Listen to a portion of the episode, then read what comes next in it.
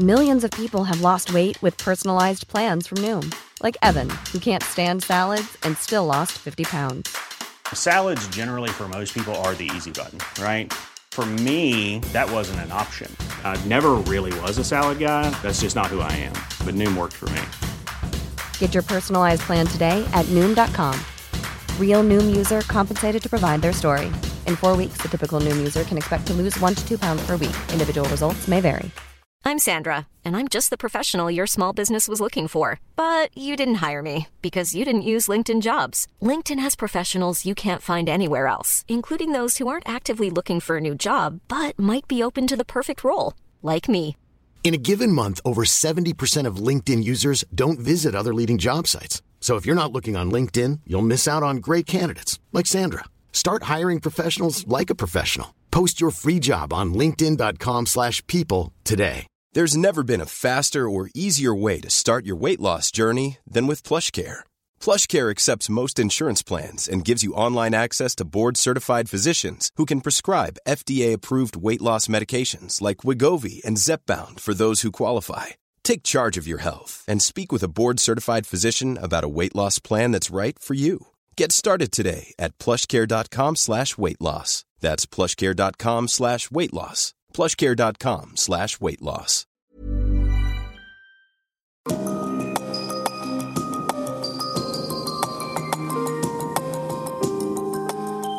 Du lytter til podkast fra Oslo Militære Samfunn. Besøk vår hjemmeside oslomildsamfunn.no, og se oss også på Facebook, Twitter og LinkedIn. Admiraler, generaler, direktør, min dame og herre. Jeg ønsker dere alle hjertelig velkomne til kveldens foredrag.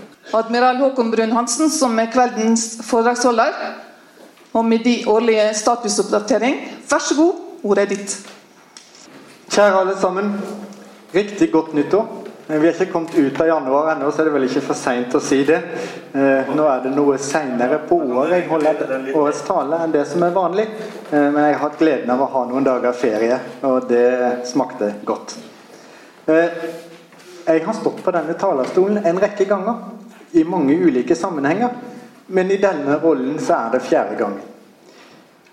Akkurat denne gangen er det særdeles hyggelig å stå her oppe og rapportere om status i Forsvaret slik det er nå, og om utviklingen og mulighetene inn i fremtiden. Og Det er særlig den siste biten som gjør meg spesielt glad for å stå her i dag. I november ble langtidsplanen vedtatt i Stortinget. Det er en langtidsplan som synliggjør en bevisst satsing på Forsvaret. Som statsråden var inne på her for 14 dager siden, det er et økonomisk løft på 180 milliarder kroner i løpet av de neste 20 årene. Og så vidt jeg vet, og så vidt jeg har bakt på det rene, så er det en historisk økonomisk satsing på Forsvaret. Denne satsingen gjør det altså mulig å videreføre og modernisere brorparten av det Forsvaret vi har i dag, i tillegg til at vi kan styrke kapasiteten vår på enkelte områder. Mine damer og herrer, etter min vurdering er dette et resultat som står langt fra, og da i positiv forstand, det utgangspunktet jeg fikk til det fagmilitære råd i 2014. Endringene i det sikkerhetspolitiske landskapet som har funnet sted etter 2014, er etter min vurdering hovedgrunnen til denne satsingen på Forsvaret. Vi ser en betydelig sikkerhetspolitisk usikkerhet i våre nærområder, i Europa, i Nord-Afrika og Midtøsten. Nato og våre allierte står overfor en rekke ulike sikkerhetsutfordringer. Ulike sikkerhetsutfordringer som samtidig synliggjør litt av de motsetningene som finnes i alliansen av 28 nasjoner. Disse utfordringene er av militær karakter og er naturlig for Nato å engasjere seg i. Noen av disse utfordringene er i grenselandet mellom justissektor og forsvarssektor. Og Det grenselandet varierer fra Nato-medlemsland til Nato-medlemsland. Og Noen av utfordringene, slik som flyktninger, er definitivt ikke noe vi har oppfattet å være en militær utfordring per se. Imidlertid så er det slik at disse utfordringene er betydelig større enn de har vært på lenge, og mer differensiert enn de har vært på lenge. Vi ser et Russland som er blitt stadig sterkere rent politisk og militært. De har vist vilje og evne til å bruke militærmakten for å nå politiske mål. Og de har også vist vilje til å bruke militærmakten for å demonstrere sin makt og sin evne i ulike sammenhenger de senere årene. Noen av disse utviklingstrekkene vi ser, flyktninger, terror og hybride trusler, er en annen karakter enn det vi tradisjonelt har fokusert på i Nato. Og enkelte av våre medlemsland er altså i tvil om EU og den militære delen av EU og Nato er det rette virkemidlet til å håndtere de sikkerhetspolitiske utfordringene de står overfor. Noen sier sågar at verken EU eller Nato innfrir i forhold til det å løse deres sikkerhetspolitiske utfordringer. Jeg fikk et spørsmål i sted og bekrefter at i fra norsk side og det vi argumenterer i militær sammenheng, så står prinsippene i Nato-alliansen fast i forhold til oppgavene våre. Men det er helt klart at det nye utfordringsbildet vi ser på sikkerhetsarenaen, kommer til å skape debatt.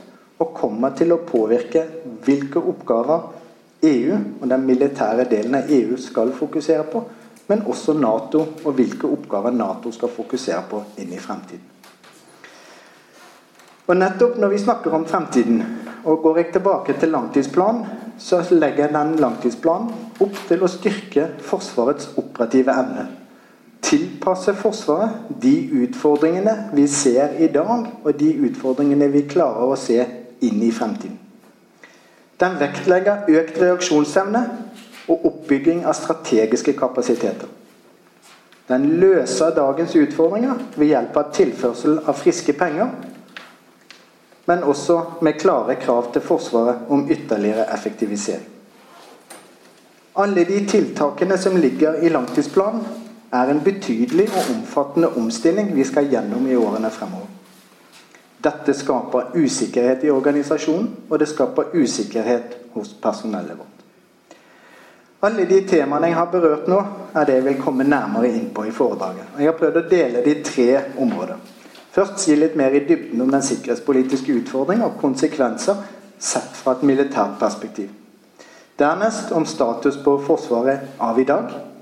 Og til slutt om omstillingen og implementeringen av den langtidsplanen som nå er vedtatt. Intervensjonen i Krim og i Ukraina i 2014.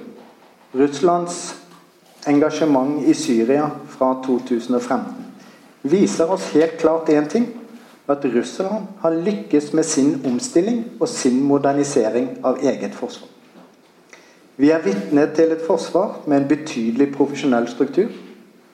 Med strategisk taktisk mobilitet og med særdeles høy reaksjonsevne.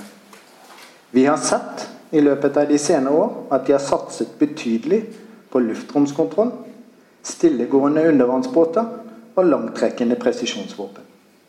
Disse kapasitetene kan begrense både Norge og Natos handlefrihet i det europeiske teater.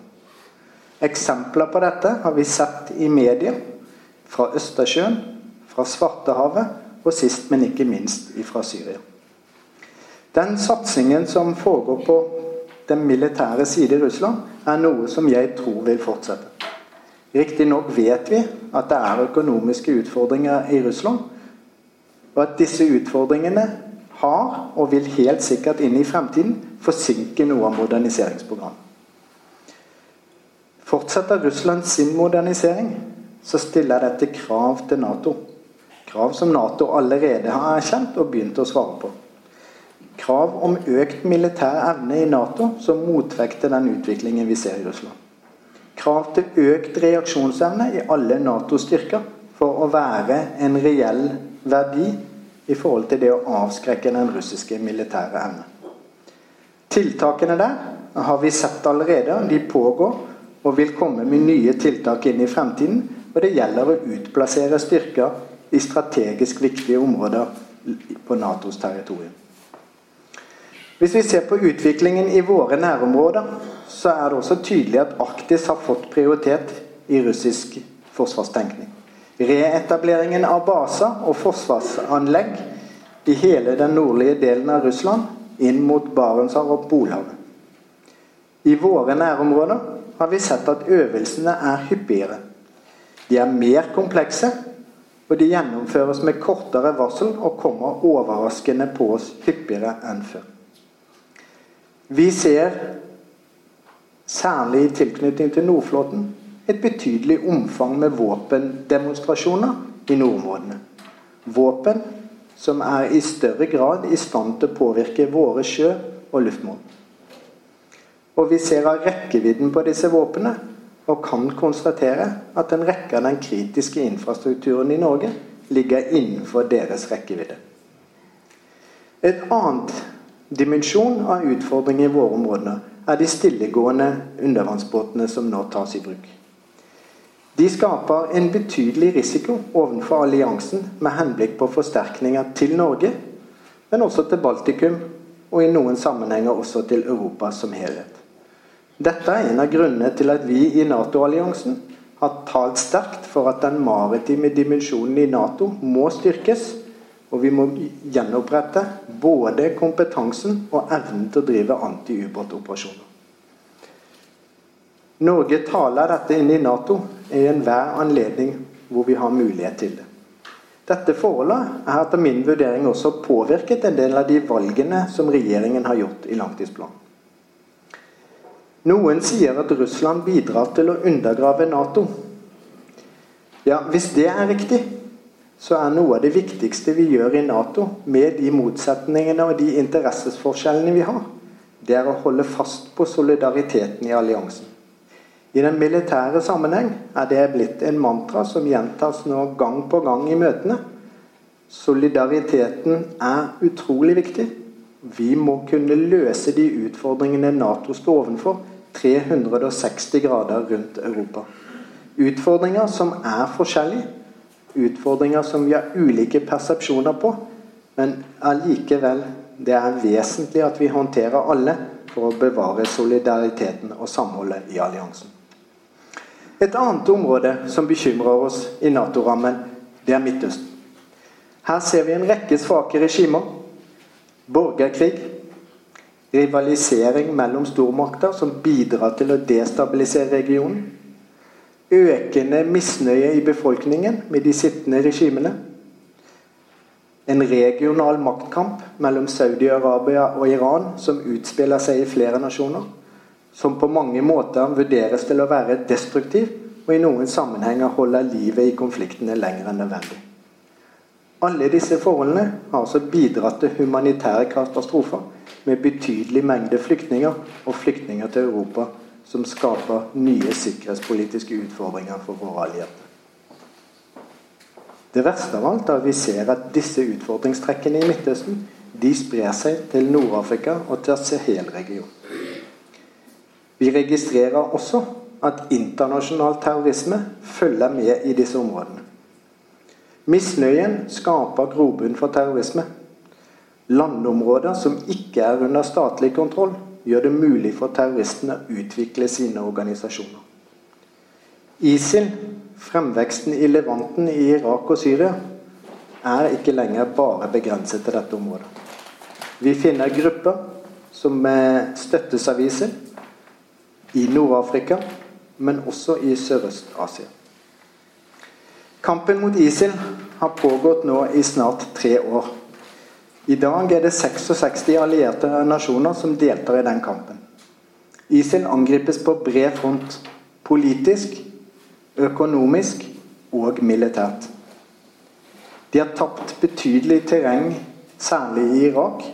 Og de har betapt betydelig antall soldater, også fremmedkrigere. Troen på kalifatet er etter vår vurdering betydelig svekket. Jeg er overbevist om at ISIL vil bli slått i Irak. Det er bare et spørsmål om tid. Jeg håper og tror at ISIL også vil bli slått i Syria, selv om der er situasjonen betydelig mer usikker enn i Irak. Det som bekymrer imidlertid, er at ideologien til ISIL spres over internett i det virtuelle domenet til større områder. Det betyr at selv om ISIL blir slått i Irak, er ikke det dermed sagt at vi har slått ISIL. Dette er en utfordring som vi i stadig større grad erkjenner militært. Vil være en utfordring i lang tid fremover med voldelige, ekstreme grupper tilknyttet ISIL eller Al Qaida eller andre grupperinger som kommer inn i fremtiden. Derfor tror jeg at stabiliseringsoperasjoner, kapasitetsbyggingsoperasjoner, slik vi nå driver i Afghanistan, Irak og Syria, vil bli aktuelle og viktige oppdrag for Forsvaret langt inn i fremtiden. Da skal jeg gå fra den sikkerhetspolitiske situasjonen til status i Forsvaret per i dag. Statusrapporten fra 2016. Og La meg innledningsvis slå fast at det er mye bra i Forsvaret. Som jeg har sagt tidligere, vi har mye godt materiell. Vi har mye bra personell som er godt utdannet og godt motivert. Og på de styrkene vi bruker i operasjoner, så har vi også et høyt treningsnivå. Dette synliggjøres hver eneste dag gjennom daglige operasjoner hjemme, men også i internasjonale operasjoner ute. Høsten 2014 så økte vi vår tilstedeværelse i nordområdene som en konsekvens av hendelsene på Krim og i Ukraina.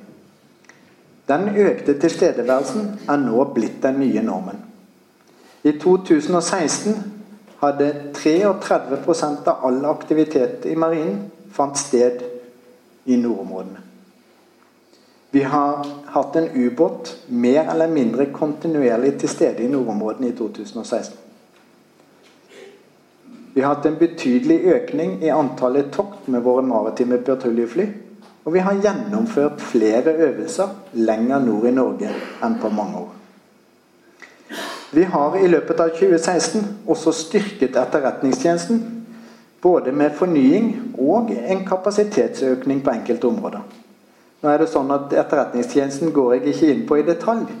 Men Mariata 4, som de fleste helt sikkert har sett, er det mest synlige resultatet av den styrkingen som har funnet sted i 2016.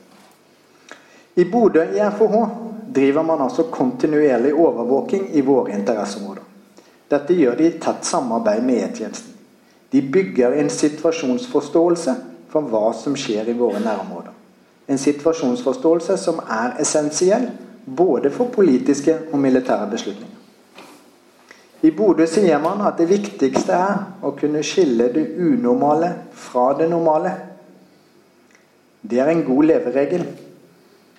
Og Hvis vi ser på hva som har foregått i nordområdene i 2016, så er tilbakemeldingen at den russiske aktiviteten er betegnet som normal.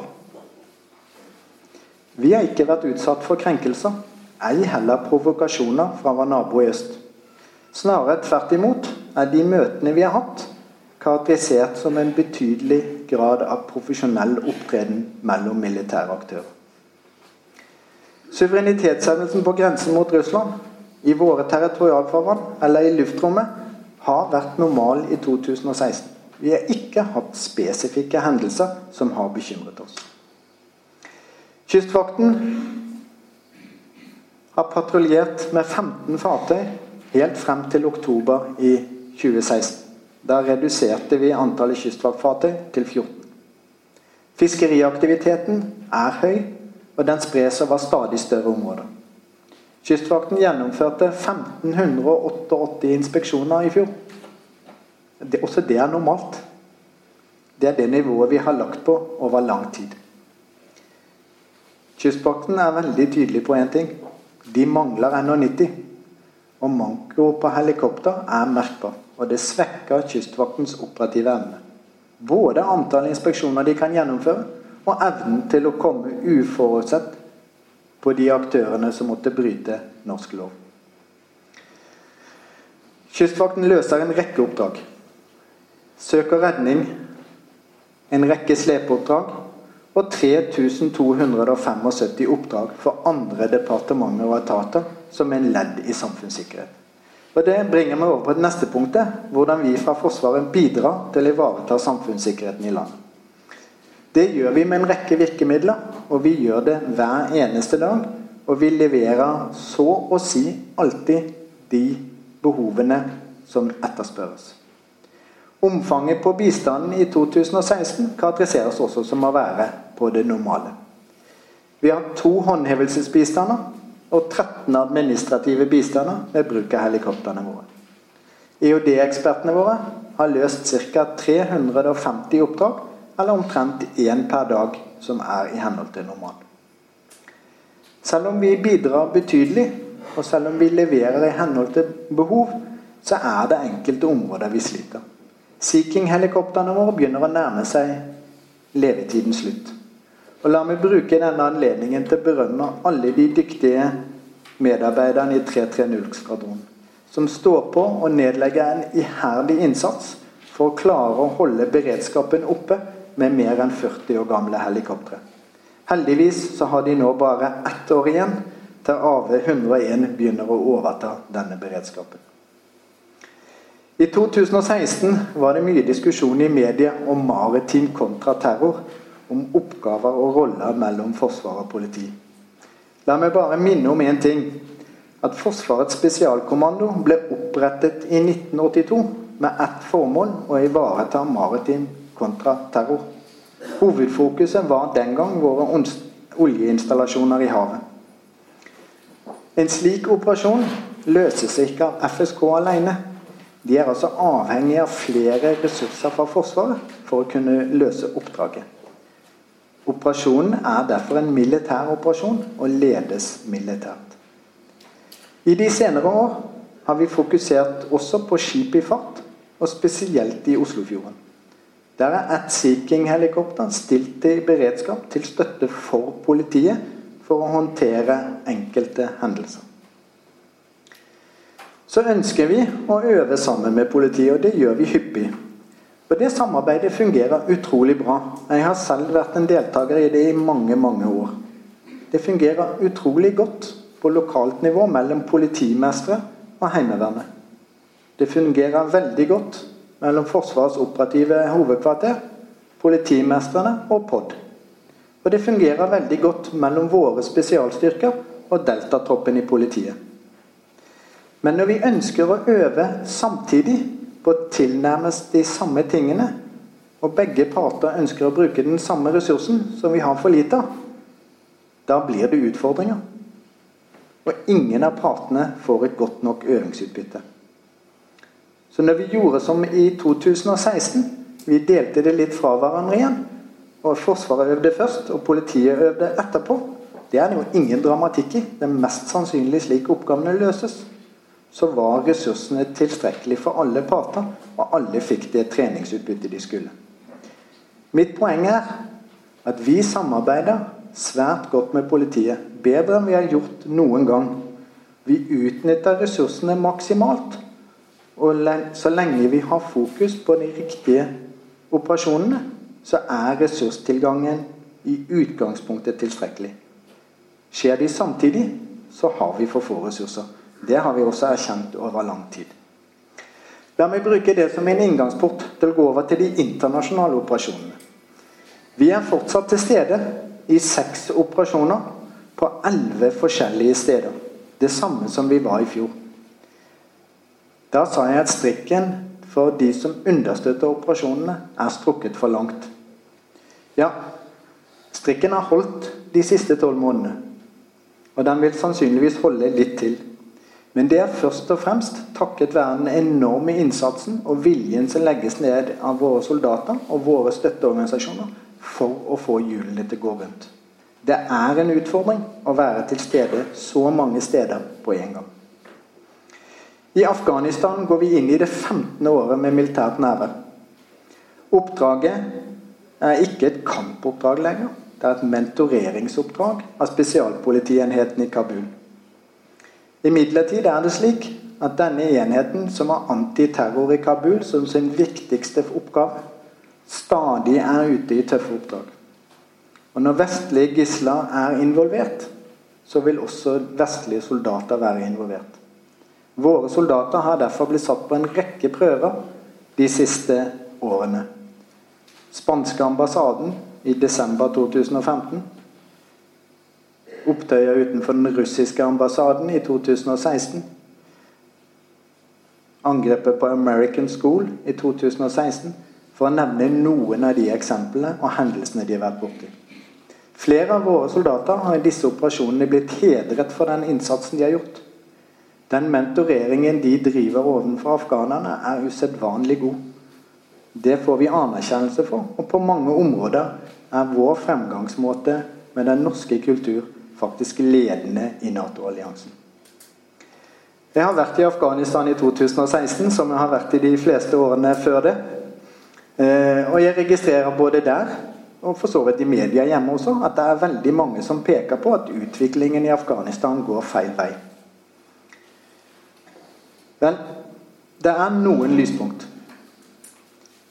Det første året uten kampstyrker fra Nato på bakken, hvor afghanerne måtte klare dette selv, tapte de ingen byer eller tettsteder til Taliban. Det har vært færre anslag fra Taliban i Kabul i 2016 enn det det var i 2015. De afghanske sikkerhetsstyrkene har tatt færre tap i 2016 enn i 2015. Og man anslår at Taliban har tatt mer tap i 2016 enn i 2015. Så det er ikke alt som går feil vei, selv om vi har fortsatt et stykke frem for å kunne si at vi har lykkes. Men nettopp den viljen og ønsket om å lykkes gjør jo at Nato har forlenget operasjonen i Afghanistan. Opprinnelig skulle vi trukket oss ut ved utgangen av 2016. Den militære anbefaling til vår politiske ledelse og til Natos politiske ledelse er at vi blir stående i hvert fall til 2020.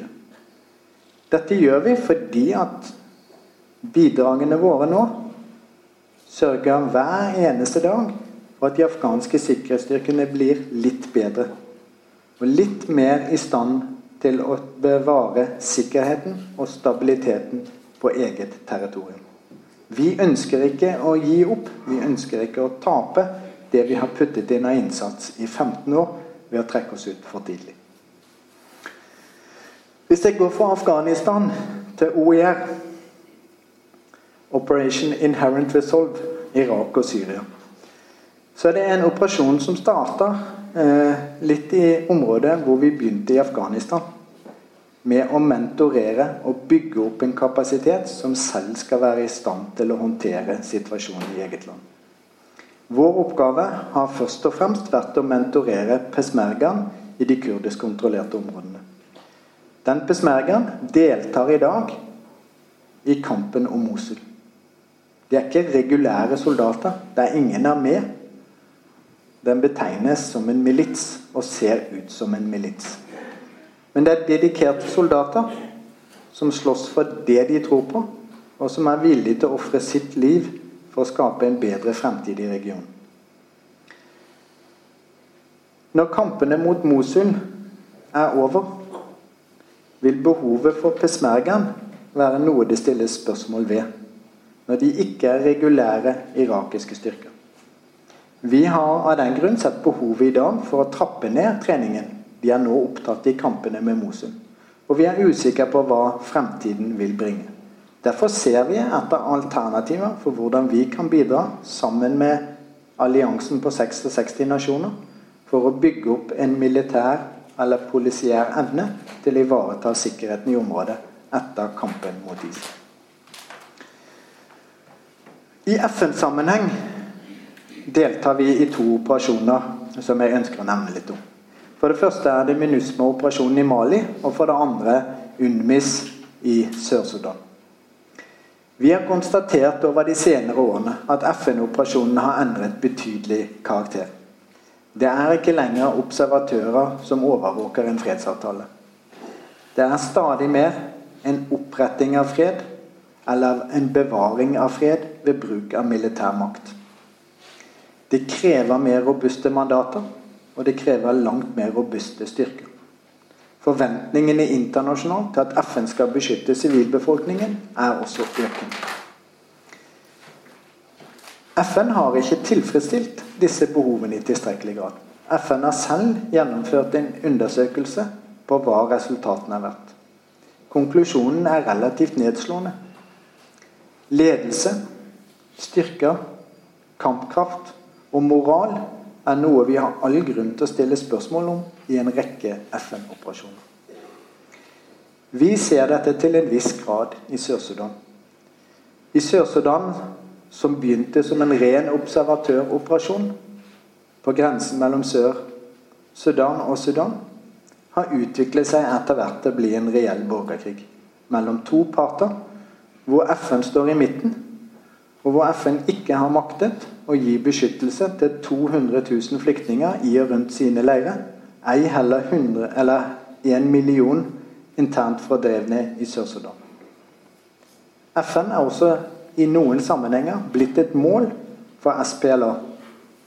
Dette er bekymringsfullt når vi har observatører ute i området. Og vi har i løpet av det siste året bevæpnet våre operatører og omgjort observatørene i størst mulig grad til stabspersonell i Juba. I Mali ser vi noe av motsetningen. Her ser vi de tiltakene FN selv besluttet for å bedre forholdene, satt ut i livet, og som i stor grad er med på å skape en bedre situasjon. Her ledes MINUSMA av vestlige offiserer. Vi bidrar med ledelse.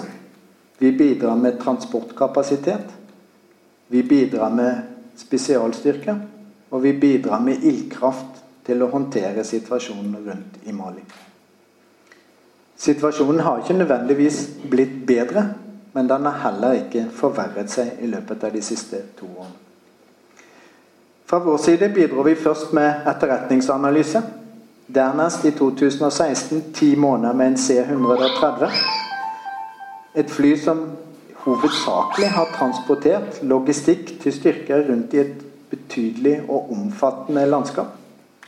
Men de har også gitt taktisk støtte til andre lands spesialstyrker og drevet med de vekk av skadde FN-soldater.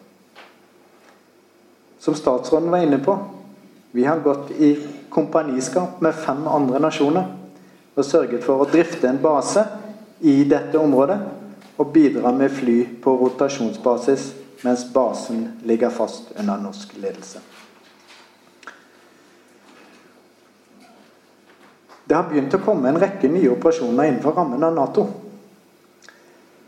Som jeg nevnte i innledningen, så står Nato overfor en rekke utfordringer. Jeg nevnte nordområdene.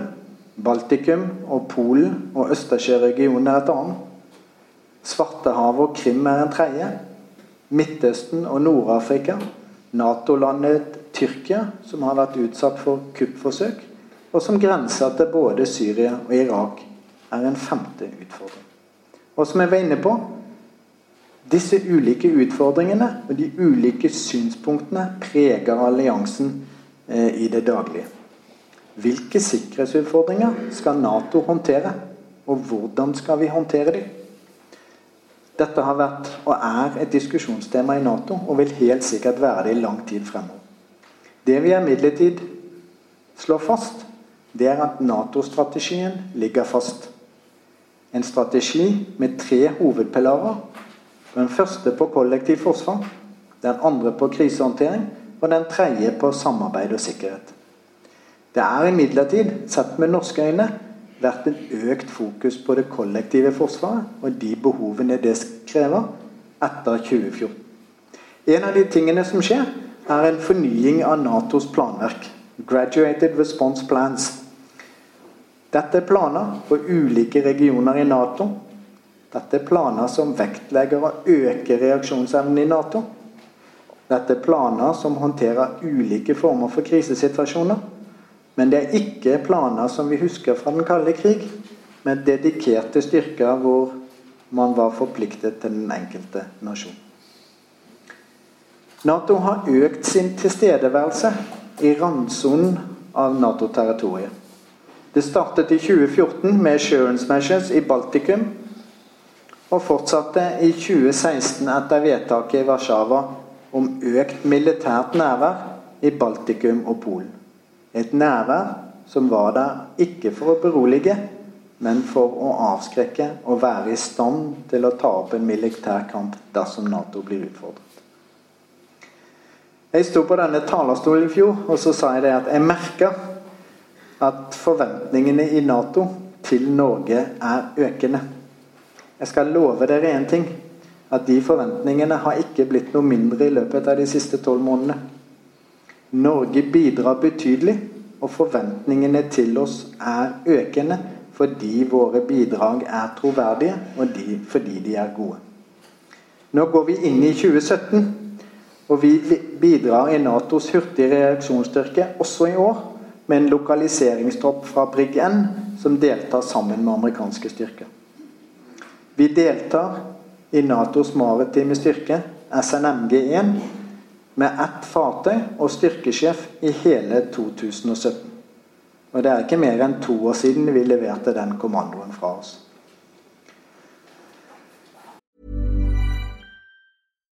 Here's a cool fact. A crocodile can't stick out its tongue.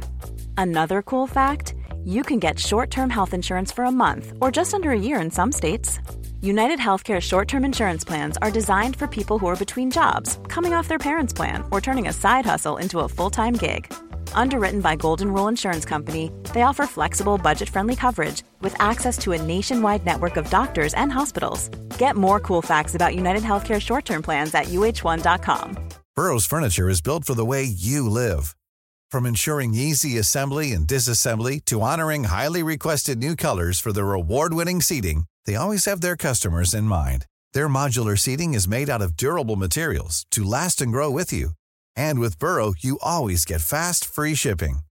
Get up to 60% off during Burrow's Memorial Day sale at burrow.com slash ACAST. That's burrow.com slash ACAST. burrow.com slash ACAST.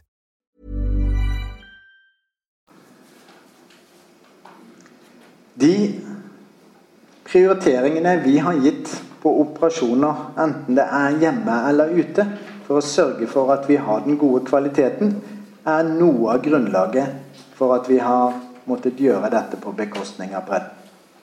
Jeg har tidligere stått her og sagt at jeg er bekymret for etterslep på vedlikehold, manko på reservedeler, for liten bemanning og manglende trening.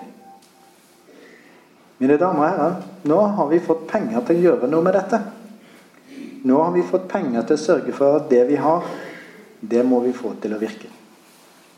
Men skal vi få det til, skal vi øke reaksjonsevnen, skal vi øke tilgjengeligheten på våre styrker, så må vi også prioritere den styrkeproduksjonen. Den må bli bedre, den må bli smartere, men først og fremst så må den tilpasses de operative leveransene regjeringen forventer av Forsvaret. Og vi er godt i gang. Vi tjuvstarter, sier vi i Bergen. Det har vi gjort i 2016. Og la meg få lov å berømme de tiltakene som Sjøforsvaret har gjort. De har altså kraftsamlet og målrettet sin styrkeproduksjon. I større grad utnyttet de mulighetene som ligger i Flag Officer Sea Training i Storbritannia, hvor vi utdanner mer av våre fartøy. De har forkortet oppøvingsperioden og dermed økt tilgjengeligheten på styrkene. I tillegg så har de omorganisert i Sjøforsvaret og flyttet en masse personell fra ledelse, støtte og administrasjon på land over til operative enheter. Resultatet ser dere på skjermen. Dette er øvelse Flottex, marinens årlige øvelse, i november 2016. Det er helt riktig. Det seiler fire fregatter med full besetning. Og det seiler fem korvetter med full besetning. Det er mulig. Sjøforsvaret har imidlertid gjort noen tøffe prioriteringer for å få det til. Og all ære til de for det. Men det stiller noen krav tilbake igjen til meg som forsvarssjef. Det er at vi må redusere etterspørselen etter administrative oppgaver i Sjøforsvaret. Og likeledes redusere byråkratiet. For de menneskene som sto for det, de er nå ute og seiler. Sjøforsvaret er først ute, men jeg kan love dere at de øvrige forsvarsgrenene kommer etter, og det er gode planer under utvikling der. Øvelse Cold Response i 2016 ble gjennomført med 14 nasjoner og 15 000 soldater. Omtrent som det var i 14 og i 12. Tilbakemeldingen fra de deltakende avdelingene har vært særdeles god. Det syns jeg er hyggelig. Men det som virkelig har vært gledelig fra mitt perspektiv, det er den brede deltakelsen fra US Marine Corps. De har deltatt og testet ut, sammen med oss, planverket for alliert mottak i Trøndelag. Det har vært utrolig viktig lærdom for Forsvaret. Men det har også vist solidariteten i alliansen. Det har vist en rekke nasjoner som har kommet til Norge, trent og øvd med oss i norsk geografi under norsk klima. Alt dette er med på å skape troverdighet i Natos forsterkningskonsept. Og Det er kanskje den viktigste biten i Cold Response. Og siden vi snakker om styrke, øh, styrkeproduksjon, så er de vernepliktige fortsatt en viktig del av det norske forsvar. I mange avdelinger er de vernepliktige fortsatt hoveddelen av våre soldater. Og de er meget gode. De er godt utdanna. De er godt motivert. Og jeg blir stadig overrasket over hvor langt de når i løpet av tolv måneders førstegangstjeneste. Det kan hende at det er meg som begynner å bli gammel, men jeg har en tendens til å se på de teknologiske utfordringene med min kompetanse. Og dette kommer til å ta lang tid å lære. Og så blir jeg like overrasket hver gang jeg ser at 19-åringen han bruker et par-tre sekunder, så han fikser det. Så det er klart at selv om våre oppgaver blir mer komplekse, så er kompetansen hos våre unge soldater stadig bedre, og de er i stand til å håndtere denne kompleksiteten på en betydelig bedre og enklere måte enn min generasjon er. Jeg har fremhevet en rekke ganger det fantastiske eksempelet GSV er på våre vernepliktige. Det er de fortsatt. Men i år har jeg også lyst til å fremheve Luftvernsbataljonen på Ørlandet. Vi er i ferd med å bygge opp igjen luftvernet. Det er nesten sånn at vi lærer å løpe mens vi går. Men disse unge guttene og jentene, de gjorde jobben på rekordtid. Vi pressa dem, og vi leverte et luftvernstridsgruppe for å beskytte Nato-toppmøtet i Warszawa sommeren 2016. Det klarte de. Jeg var nede og inspiserte de i Warszawa, og de leverte med bravur. Og de var fantastiske ambassadører, både for Forsvaret og for Norge. Jeg håper at neste år så kan jeg stå her og skryte av en annen avdeling, og at dette har en smitteeffekt men det er usedvanlig hyggelig å være forsvarssjef når en møter disse soldatene både hjemme, i Norge og i utlandet. Og så har vi fått allmenn verneplikt. Ja, vi har jo hatt den en stund, men nå har vi virkelig satt det ut i liv. Sommeren 2016 var første rekruttskolen med allmenn verneplikt. 26,9% kvinner. 50% økning fra året før. Men så skjønner jeg at det har tatt 40 år før vi kom dit, men ok.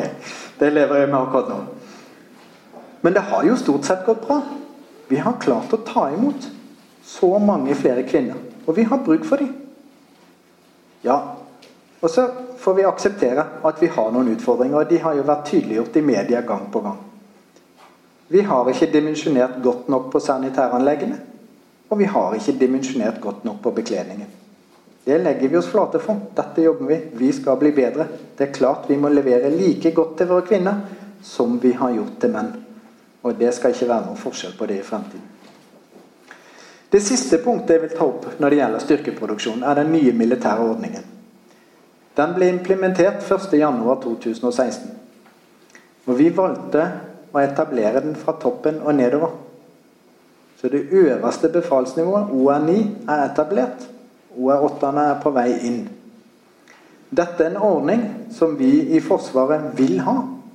Forsvarsledelsen står bak den. Vi trenger spesialister. Vi trenger mer kompetanse og mer erfaring ute ved de operative avdelingene hvis vi skal bli bedre. Alle de strukturelle grepene som er nødvendige for å få ordningen på plass, er stort sett i orden. Og Da tenker jeg på regelverk og bestemmelser osv. Utdanningen av våre nye spesialister er under implementering. En rekke offiserer har konvertert til befal. Implementeringen fungerer sånn sett teknisk og vil bli gjennomført innenfor de tidsrammene som ligger der. Men det er ikke til å stikke ut under en stol at dette dreier seg også om en endring i kultur. Hvilken rolle har offiseren? Hvilken rolle, ansvar og myndighet skal befale ham?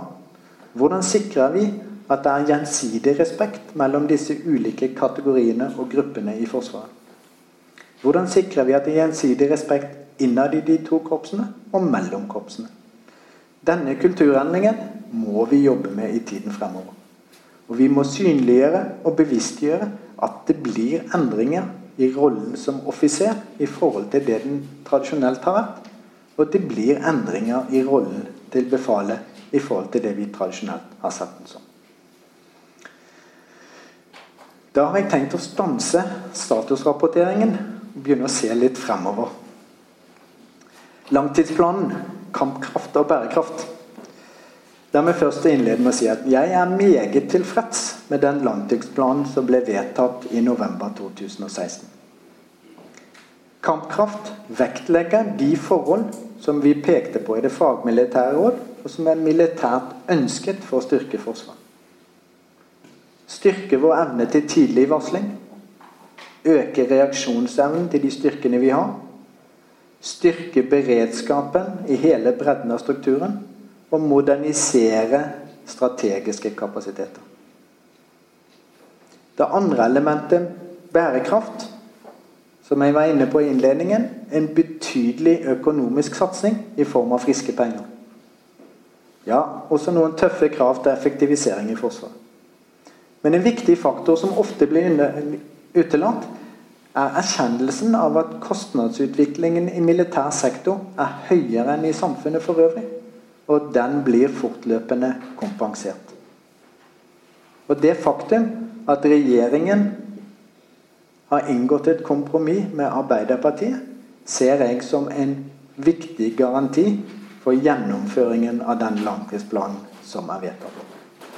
Så La meg bruke litt tid på å gå inn på noen av de satsingene som er viktige i årene fremover. Og Da starter jeg med grunnmuren.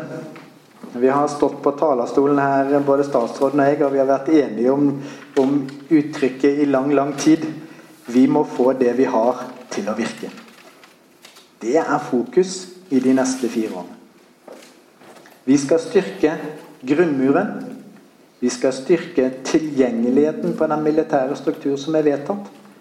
Slik styrker vi den operative evnen til Forsvaret. Når vi snakker om å styrke grunnmuren, så er det altså vedlikehold.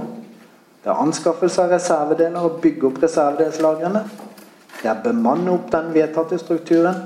Og det er sørge for en trening og aktivitetsnivå som gjør at de er godt nok kvalifisert.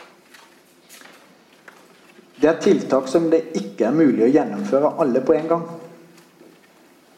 Det må bli sekvensielt i deler av disse sammenhengene. Det er nå engang slik at en del reservedeler har lang ledetid. Det er altså ikke bare å gå i butikken og så kjøpe eh, deler til våpensystemene våre. Det er også slik at vi kan ikke ta en hvem som helst fra gaten og oppbemanne en av fregattene eller en av jagerflyene.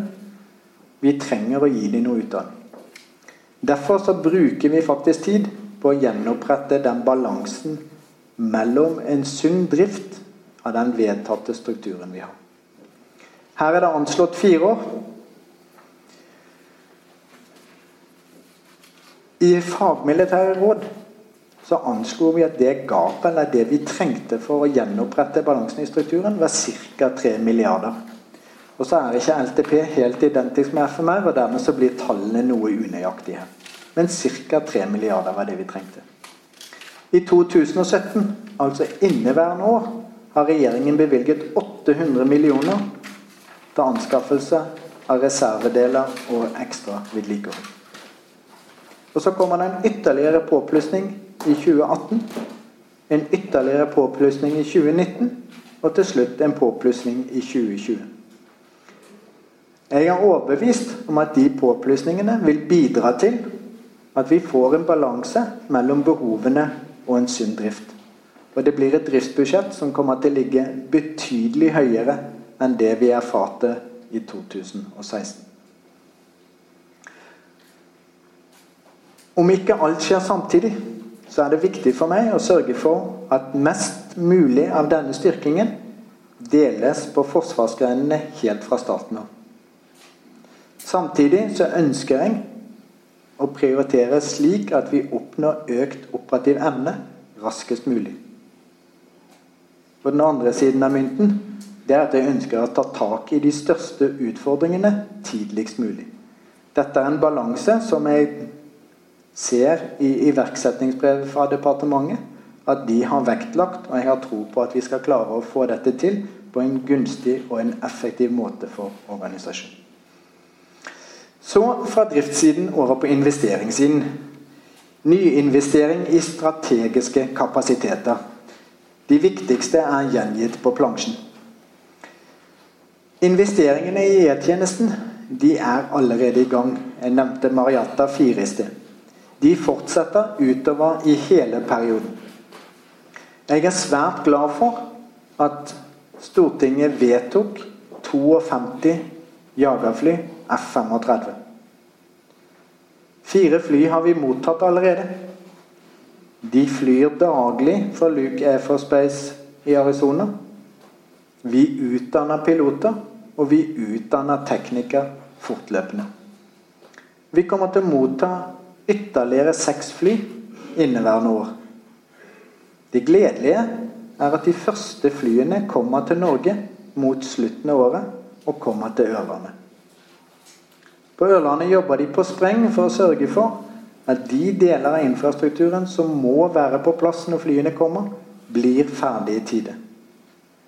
Alt er i rute. Tidslinjen er ekstremt stram, og det er mye hardt arbeid som skal gjøres for å sikre at det går bra. Men det er ingen grunn til bekymring nå seks måneder før de første flyene kan komme. Våre aldrende P3 erstattes med nye P8, Boeing 737-fly, med alle de sensorene som skal til for å drive ubåtkrigføring. Og de leveres mellom 2021 og 2022.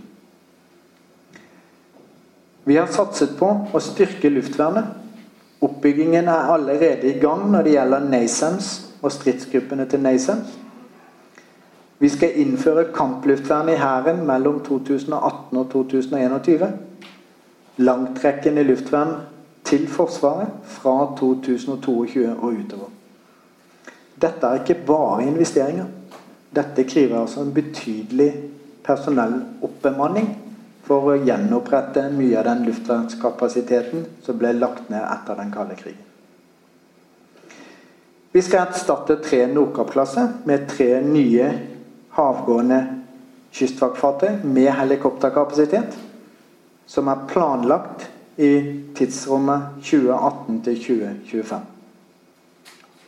Og vi anskaffer fire nye undervannsbåter til erstatning for de seks aldrende Ula-klassen. Beslutningen om hvem som skal levere de, forventer jeg blir tatt i inneværende år.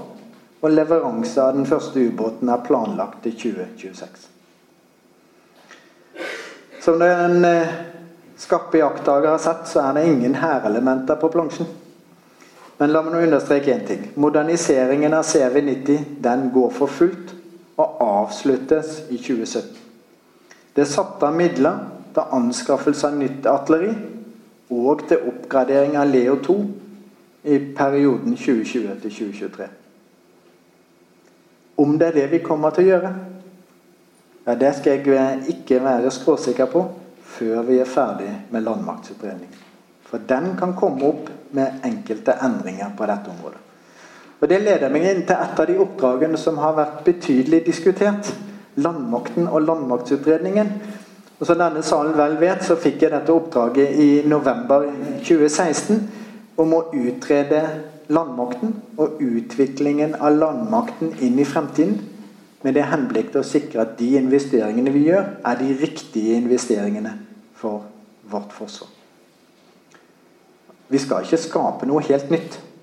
Det er fortsatt oppgavene i Forsvarene som er dimensjonerende for hvilken landmakt vi skal ha. Det er fortsatt slik at det er våre forsvarsplaner. Det er fellesoperasjonene og hvordan systemene våre virker sammen. Det er forholdet og interoperabiliteten med Nato som setter rammer for hvilken landmakt vi kan ha. Og Det siste punktet er at vi kan ikke ønske oss hva som helst. Det er en økonomisk ramme som ligger der på bakgrunn av langtidsplanen. Men innenfor de rammene der så har vi bedt om å vurdere mulighetene og alternativene. Hva med ulike alternativer med henblikk på reaksjonsevne? Hvordan er det med kampkraft, og hvilke elementer vil være de viktige inn i fremtiden? Hvilken mobilitet skal Hæren ha, og hvordan skal vi skaffe den? Hvilken utholdenhet trenger de, og hvordan skrur vi det sammen? Disse elementene henger i hop, og det er derfor viktig for oss at vi lager en konseptuell løsning på helheten i landmakten. Hvilken landmakt skal vi ha? Tilpasset det forsvaret som for øvrig er besluttet gjennom langtidsplanen. Vi skal se Hæren og Heimevernet i sammenheng. Det betyr ikke det samme som at vi skal slå sammen Hæren og Heimevernet, som jeg ser enkelte medier har eh, vært frempå. Hva vi kommer til å gjøre, ja, det skal jeg ikke svare på ennå. Det skal denne utredningen vi har startet, få lov å konkludere med og komme opp med klare anbefalinger på. Vi har etablert en arbeidsgruppe som er godt i gang, og som jobber med landmaktsutredningen. Og vi har etablert en referansegruppe med personell utenfor Forsvaret som har alternativ kompetanse til det vi har. Som kommer fra ulike eh, aktører med ansvar for samfunnssikkerhet av en eller annen form. Som kommer fra forskningsmiljø, og som kommer fra industrien. Til slutt som kommer fra Nato. All den kompetansen de sitter med, kan bidra til at vi forstår konsekvensen av de beslutningene vi skal fatte, bedre enn om vi satt og gjorde det på egen. Til nå har arbeidsgruppen utviklet seks ulike konseptuelle tilnærminger for den landvakten vi skal ha inn i fremtiden. Disse jobber man med og ser på plusser og minuser. Man kjører scenariospill med de, og man vurderer konsekvenser fra et strategisk nivå til et landmilitært operativt nivå. Og Vi kommer etter hvert til å redusere antall konseptuelle løsninger og begynne å se på ren organisasjon og ren kompetanseutfordring i forhold til disse løsningene. Dette kommer til å bli lagt fram i Stortingsprop 1 i oktober 2017. Det er ikke et eget fagmilitært råd, men det er forsvarssjefen som har fått i oppdrag å lede dette i departementet.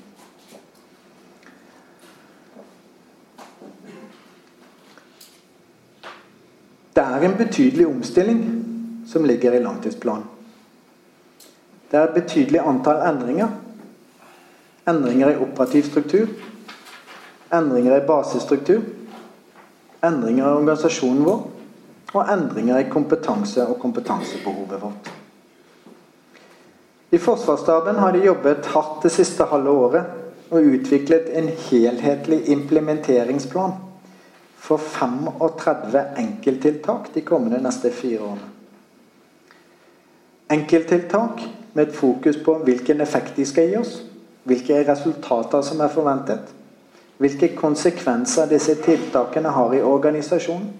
Hvilken sammenheng det er mellom de 35 tiltakene. Og hvilken risiko vi løper i forhold til tid, kost og ytelse på hver og en av dem. Det er betydelig arbeid. Oppdragene skal løses av DIF-sjefene Luftforsvaret for sine, Sjøforsvaret sine, Cyberforsvaret sine.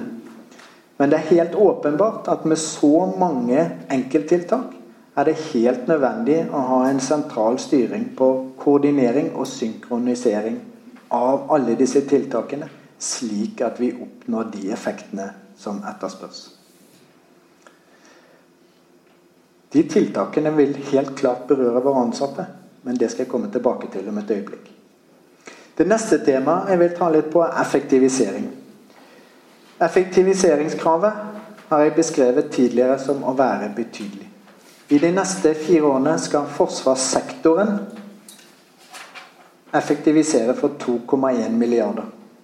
Forsvaret alene skal effektivisere for ca. 1,4 milliarder.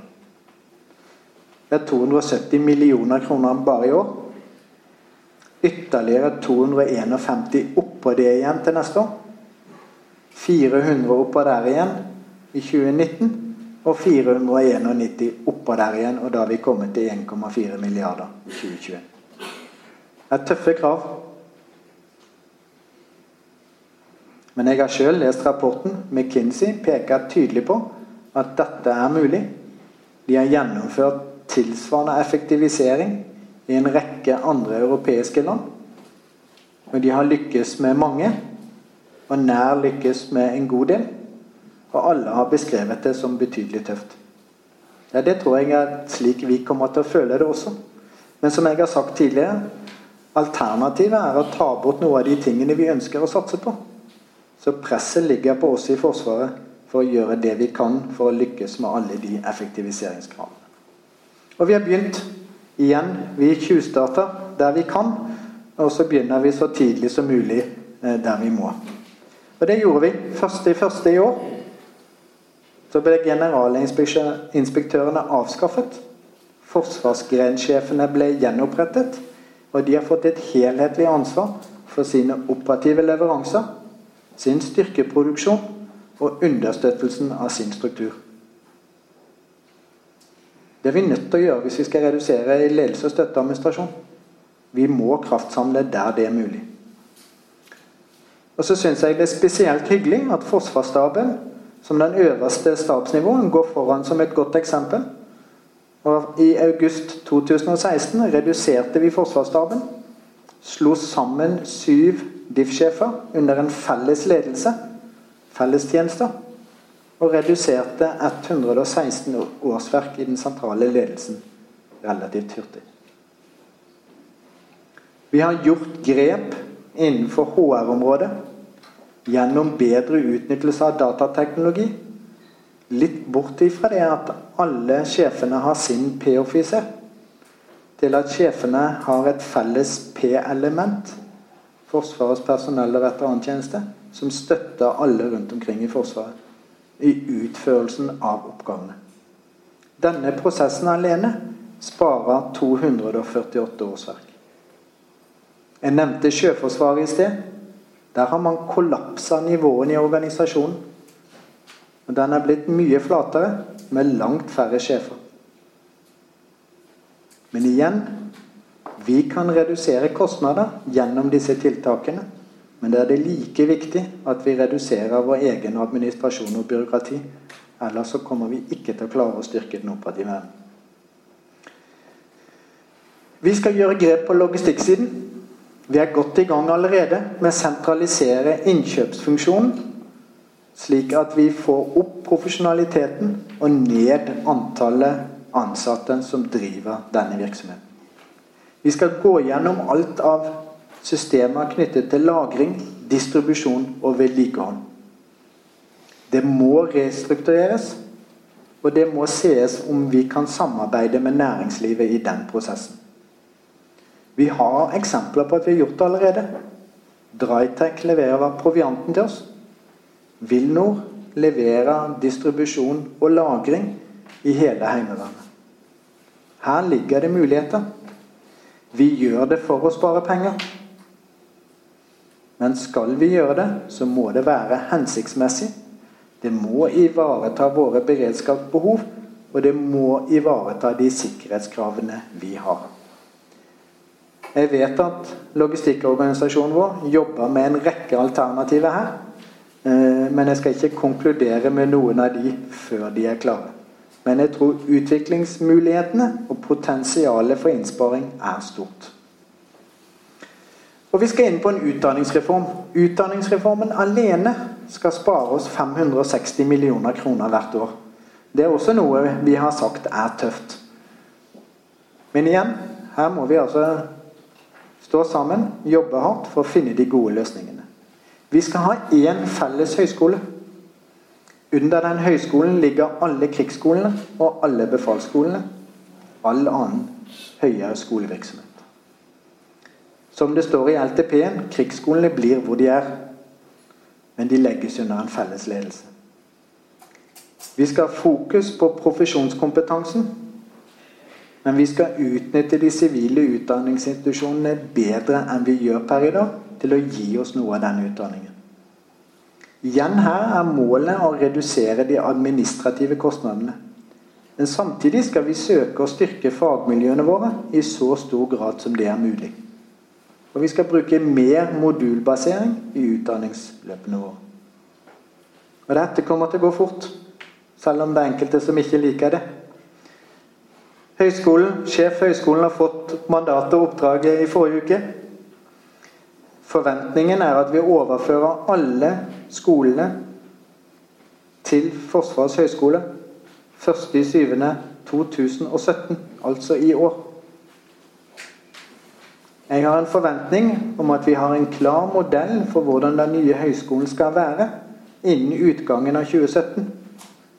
Og at vi starter den nye skoleløsningen sommeren 2018. Det er vi nødt til skal vi tilfredsstille de kravene til effektivisering som vi har pålagt. La meg gå litt over og avslutte med ivaretagelse av personell. Som jeg sa, 35 enkelttiltak. Det er en omstilling i hele Forsvaret som kommer til å berøre alle våre ansatte. Og så er ikke bildet like svart som det alltid eller som det av og til blir fremstilt. Vi skal altså oppbemanne betydelig på en del avdelinger rundt omkring. Og så skal vi nedbemanne på andre. Vi skal oppbemanne operative avdelinger. Og vi skal nedbemanne i stor grad innenfor ledelse, støtte og administrasjon. Ja, for de aller fleste så håper jeg dette blir et spørsmål om kompetansevridning. Det kommer i så tilfelle til å berøre alle sammen. Alle de 1400 årsverkene som står i langtidsplanen. Behovet for å nedbemanne er imidlertid betydelig lavere ca. 600. Når vi presenterer dette i organisasjonen, så merker jeg stadig vekk at det er betydelig usikkerhet, og det er betydelig frustrasjon hos de som blir berørt. Det er fullt forståelig. Vi har altså redusert størrelsen på dette forsvaret betydelig gjennom de siste 15 årene. Vi har vært gjennom en rekke omstillingsprosesser og en rekke nedskjæringsprosesser. Det er ikke noe nytt. Dette har vi gjort før. Det er et lederansvar å håndtere dette på en ordentlig måte. Det er lederne våre som må ta ansvar for sine ansatte, og som må skape så mye forutsigbarhet for den enkelte som situasjonen tillater. Hjelp får de av omstillingsenheten som ble etablert i forbindelse med HR-utviklingen. Den går videre og vil støtte alle sjefer rundt i hele Forsvaret i å få til disse prosessene på en best mulig måte. Mitt mål og ønske er jo at vi skal klare å få flest mulig til å vri kompetansen slik at de finner en ny stilling i Forsvaret.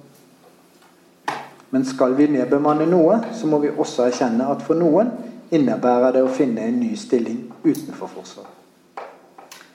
I denne prosessen så følger vi de gjeldende regler i staten. Og jeg kan love at vi skal ha et tett samarbeid med arbeidstakerorganisasjonene i hele den prosessen vi går inn i. Så la meg oppsummere til slutt. Hva ønsker jeg at dere skal sitte igjen med? For det første det er mye bra i Forsvaret per i dag. Både på materiell, personellsiden De utfordringene vi har, ligger i bredden. De har vi nå fått ressurser til å løse.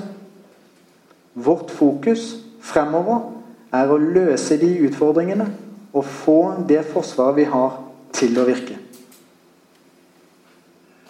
Langtidsplanen er positiv sett med mine øyne. Den gir en utvikling av Forsvaret som gjør oss relevant også inn i fremtiden.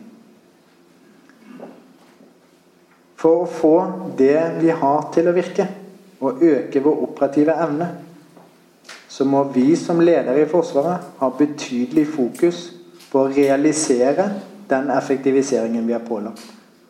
Og for det andre sørge for at vi har god gjennomføringsevne og løse de påleggene som ligger i 35 enkelttiltak. Takk for oppmerksomheten. Da er jeg nok åpen for spørsmål.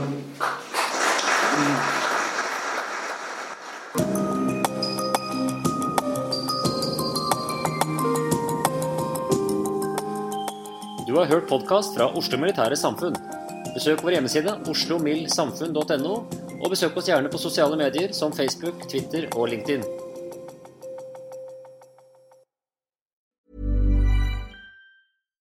Deserves the best, and there's no better place to shop for Mother's Day than Whole Foods Market. They're your destination for unbeatable savings, from premium gifts to show-stopping flowers and irresistible desserts. Start by saving 33% with Prime on all body care and candles. Then get a 15-stem bunch of tulips for just $9.99 each with Prime. Round out Mom's menu with festive rosé, irresistible berry chantilly cake, and more special treats. Come celebrate Mother's Day at Whole Foods Market. Planning for your next trip? Elevate your travel style with Quince. Quince has all the jet setting essentials you'll want for your next getaway, like European linen, premium luggage options, buttery soft Italian leather bags, and so much more. And it's all priced at 50 to 80% less than similar brands. Plus, Quince only works with factories that use safe and ethical manufacturing practices. Pack your bags with high-quality essentials you'll be wearing for vacations to come with Quince. Go to quince.com slash trip for free shipping and 365-day returns.